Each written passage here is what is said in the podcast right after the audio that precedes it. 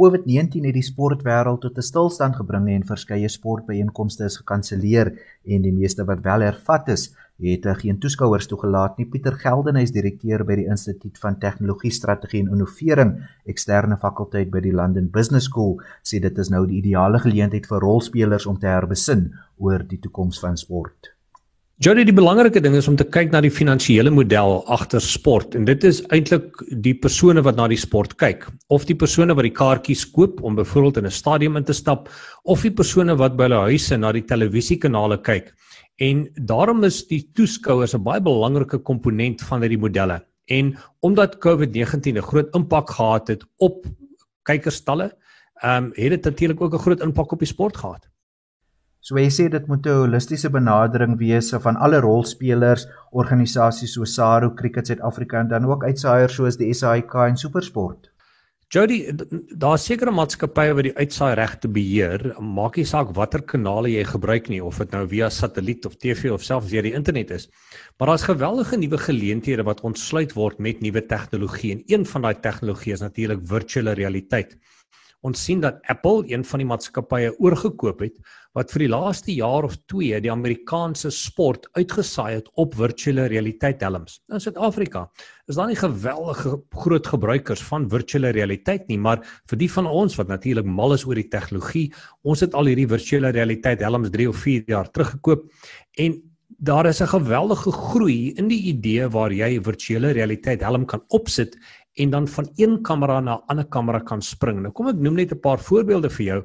Daar was 'n geweldige groot popkonsert in ehm um, Finland in die begin van die jaar en meer as 1 miljoen mense het hulle virtuele realiteit helms opgesit en intyds na hierdie popkonsert gaan luister.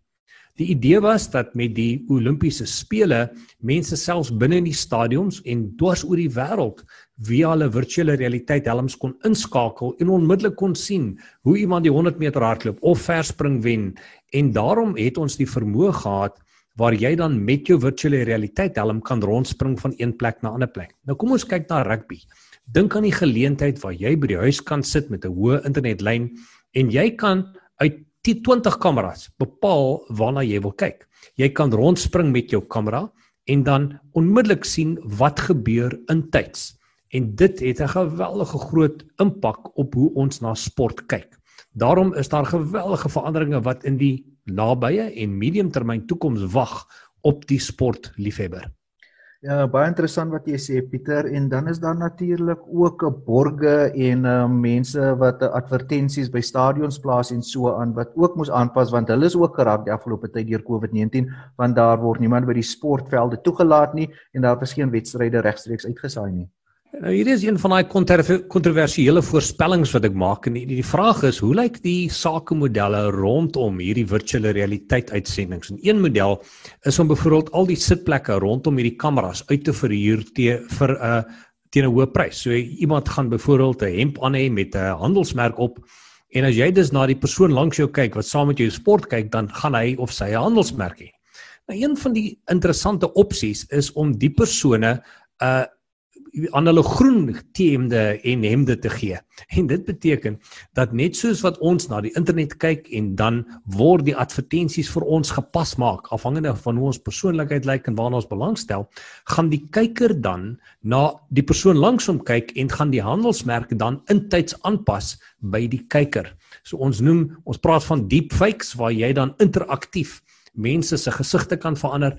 Ons sien ook dat die tegnologie al alreeds reg staan dat die unieke individu wat na die sportwedstryd kyk, ook verskillende tipe advertensies gaan sien afhangende van wie die persoon is. Pieter en dan natuurlik um, ons het gesien uh, sekere sportkodes uh, die Kaapstad maraton wat 'n virtuele wedloop gehardloop het uh, ook uh, die Comrades maraton wat aangepas het. Wat is van die sportsoorte wat vir jou beïndruk het as 'n toekomskundige as jy moet kyk na die impak wat COVID-19 en hoe hulle geïnnoveer het in die tyd? Kyk daar's daar's geweldige sportkodes en veral as ons na die tegnologie gaan kyk is dit baie interessant om te sien dat dat hommeltuigwedstryde eintlik baie baie groot aanhang het. Op 'n stadium met hulle na sekere inkomste kategorieë en ouderdomskategorieë gekyk en toe agtergekom dat daar baie meer mense hommeltuigwedstryde kyk as as Formule 1 in sekere lande in die wêreld. So ek bedoel die die groot uh, versekeringsgroepe, gaan hy nou sy naam noem nie, maar een van die internasionale versekeringsgroepe het begin om hommeltuigwedstryde te begin borg, juis as gevolg van die groot hoeveelheid belangstelling daarin. Ons sien dat Ehm um, onthou COVID-19 gaan ook oor 'n jaar of 2 uh minder van 'n impak op ons denkpatrone hê, maar wat wel 'n impak op ons patrone gaan hê is die tegnologie wat ons kan uitrol. Nou onthou virtuele realiteit is maar een tegnologie. Daar's 'n ander tegnologie met die naam aangepaste of verrykte realiteit. In Engels praat ons van augmented reality. En die luisteraars kan gerus na die Microsoft HoloLens video's gaan kyk waar jy dan 'n virtuele omgewing kan skep na die tafel voor jou. En dan skep jy 'n hele rugby stadion en jy kan fisies die persone sien rondhardloop op die tafel reg voor jou. So nie net is dit 'n inskakeling na 'n 'n kamera toe nie. Dit is ook 'n virtuele omgewing waar jy die die die spel kan verander, kan ontvorm en soos Rassie van ouds op die paviljoen se dak te gaan sit om te kyk hoe die patrone lyk. So kan jy as gebruik of as as as kyker dinamies verander hoe jy na die wedstryd gaan kyk. Verskillende hoeke, verskillende kontekste wat jy kan ontsluit um, met hierdie nuwe tegnologie. Nou weer eens in Suid-Afrika het ons nie eintlik 'n groot aanvaarding vir hierdie tegnologie tans nie. Ons gaan maar kyk wat die res van die wêreld daar buite doen en dan miskien oor 'n jaar of 3 aanpas.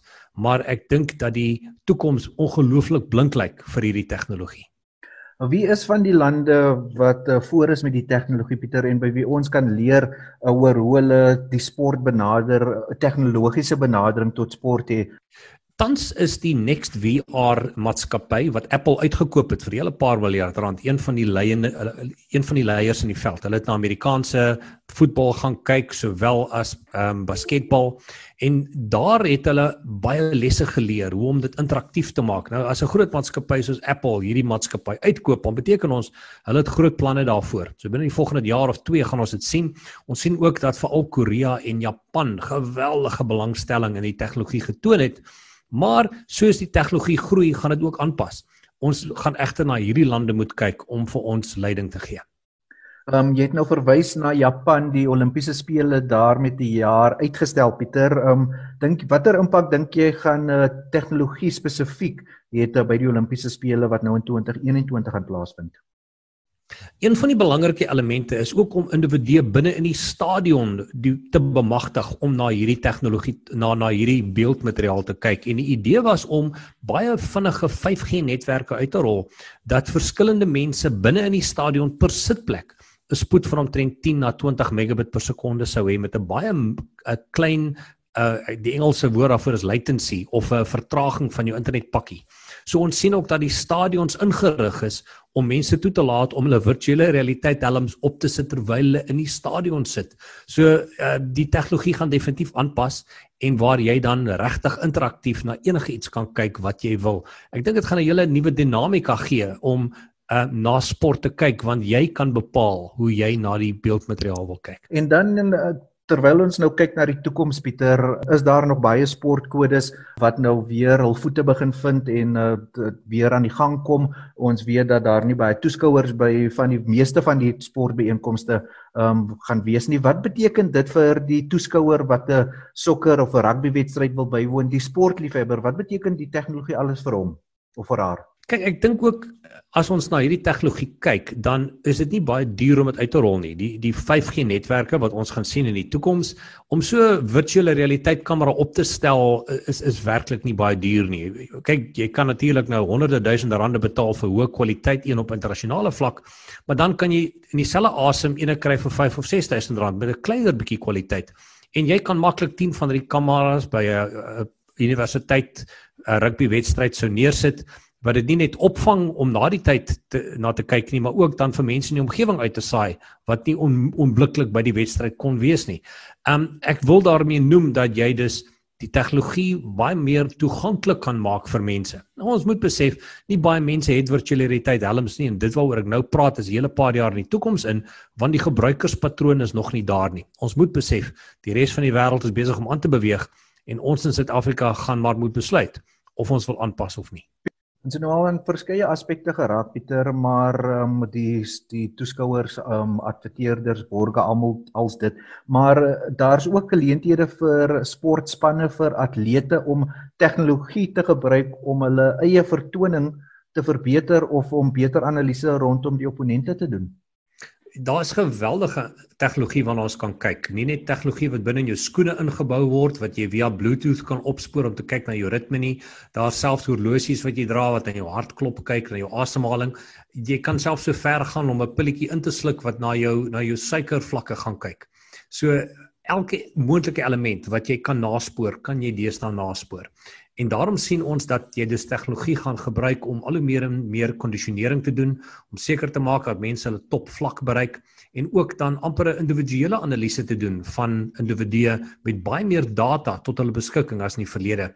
So die internet van dinge begin al reeds 'n groot rol speel en na my verwagting gaan dit nog 'n groter rol in die toekoms speel. In terme van ons topatlete en sportspanne en die tegnologie wat hulle gebruik, hoe ver hoe naby is hulle aan die wat die res van die wêreld se topatlete gebruik en dan ook as ons na Suid-Afrika se land kyk en jy al die faktore wat jy vroeër bespreek het, hoe ver hoe naby is ons van die res van die wêreld? Jody, ek dink die belangrike ding is dat die ons die toegang tot die tegnologie is daar. Ehm um, dis nie baie duur om toe om om daai tegnologie te kry om dieselfde meetinstrumente te gebruik as wat ander mense in die wêreld gebruik nie. En ek dink van ons top sportkodes gebruik wel die tegnologie. Ons is nie baie agter nie, maar dit is ook nie baie duur om dit te doen nie. En daarom is die uitdaging juis om meer 'n kopskuif te maak eerder as om toegang tot die tegnologie te kry want die tegnologie is werklik al meer as 10 jaar oud wat ons kan gebruik om die werkverrigting van verskeie individue te kan naspoor. Pieter net gou 'n laaste vraag waaraan ek nou gedink het. So met al die fokus op tegnologie en die moontlikhede wat jy nou met my bespreek het waar laat dit talent? Ek dink dit dit gee vir talent 'n groter kans tot sukses want talent is nog steeds baie belangrik maar om iemand reg te meet um en, en hoe meer data jy het en hoe jy hoe da, jy daai data kan gebruik om 'n individu se eie werkverrigting te kan meet en ook dit teenoor ander te kan meet sien ons dat ek dink dit net positief kan wees want hoe meer datapunte het hoe meer insig het jy rakende die optimale besluit wat jy vir 'n individu kan neem En dan nog 'n vraag waaraan ek nou gedink het Pieter, um, ons is nou in die middel van die pandemie, is nie net Suid-Afrika nie, die res van die wêreld. Hoe lank voorspel jy gaan uh, die koronavirus pandemie nog met ons wees en die impak wat dit op sport gaan hê? Hoe lank voor ek by 'n rugby stadion gaan sit om 'n wedstryd te kan kyk? Ja, dit is 'n baie gelaaide vraag. Ehm um, ek dink daar's van die beste dokters in die wêreld wat nog nie daai antwoord kan gee nie. As ons na ander pandemies gekyk het, dan sien ons dat dit minste 2 na 3 jaar geneem het voordat ons na normaal herstel. En uh, dis egter baie moeilik want daar's soveel dinge van die corona siekte en die SARS-CoV-2 virus wat ons nie 100% verstaan nie. Maar as ons na die huidige syfers gaan kyk, lyk my dit plat af en hopelik al gaan ons nie in volmag optrek na 'n stadium toe nie, gaan ons ten minste daarmee 'n gedeelte van die stadium kan volmaak om daarna te kyk. Ek sou skat uh, oor oor 2 na 3 jaar behoort ons in 'n groot mate na normaliteit te kan terugkeer.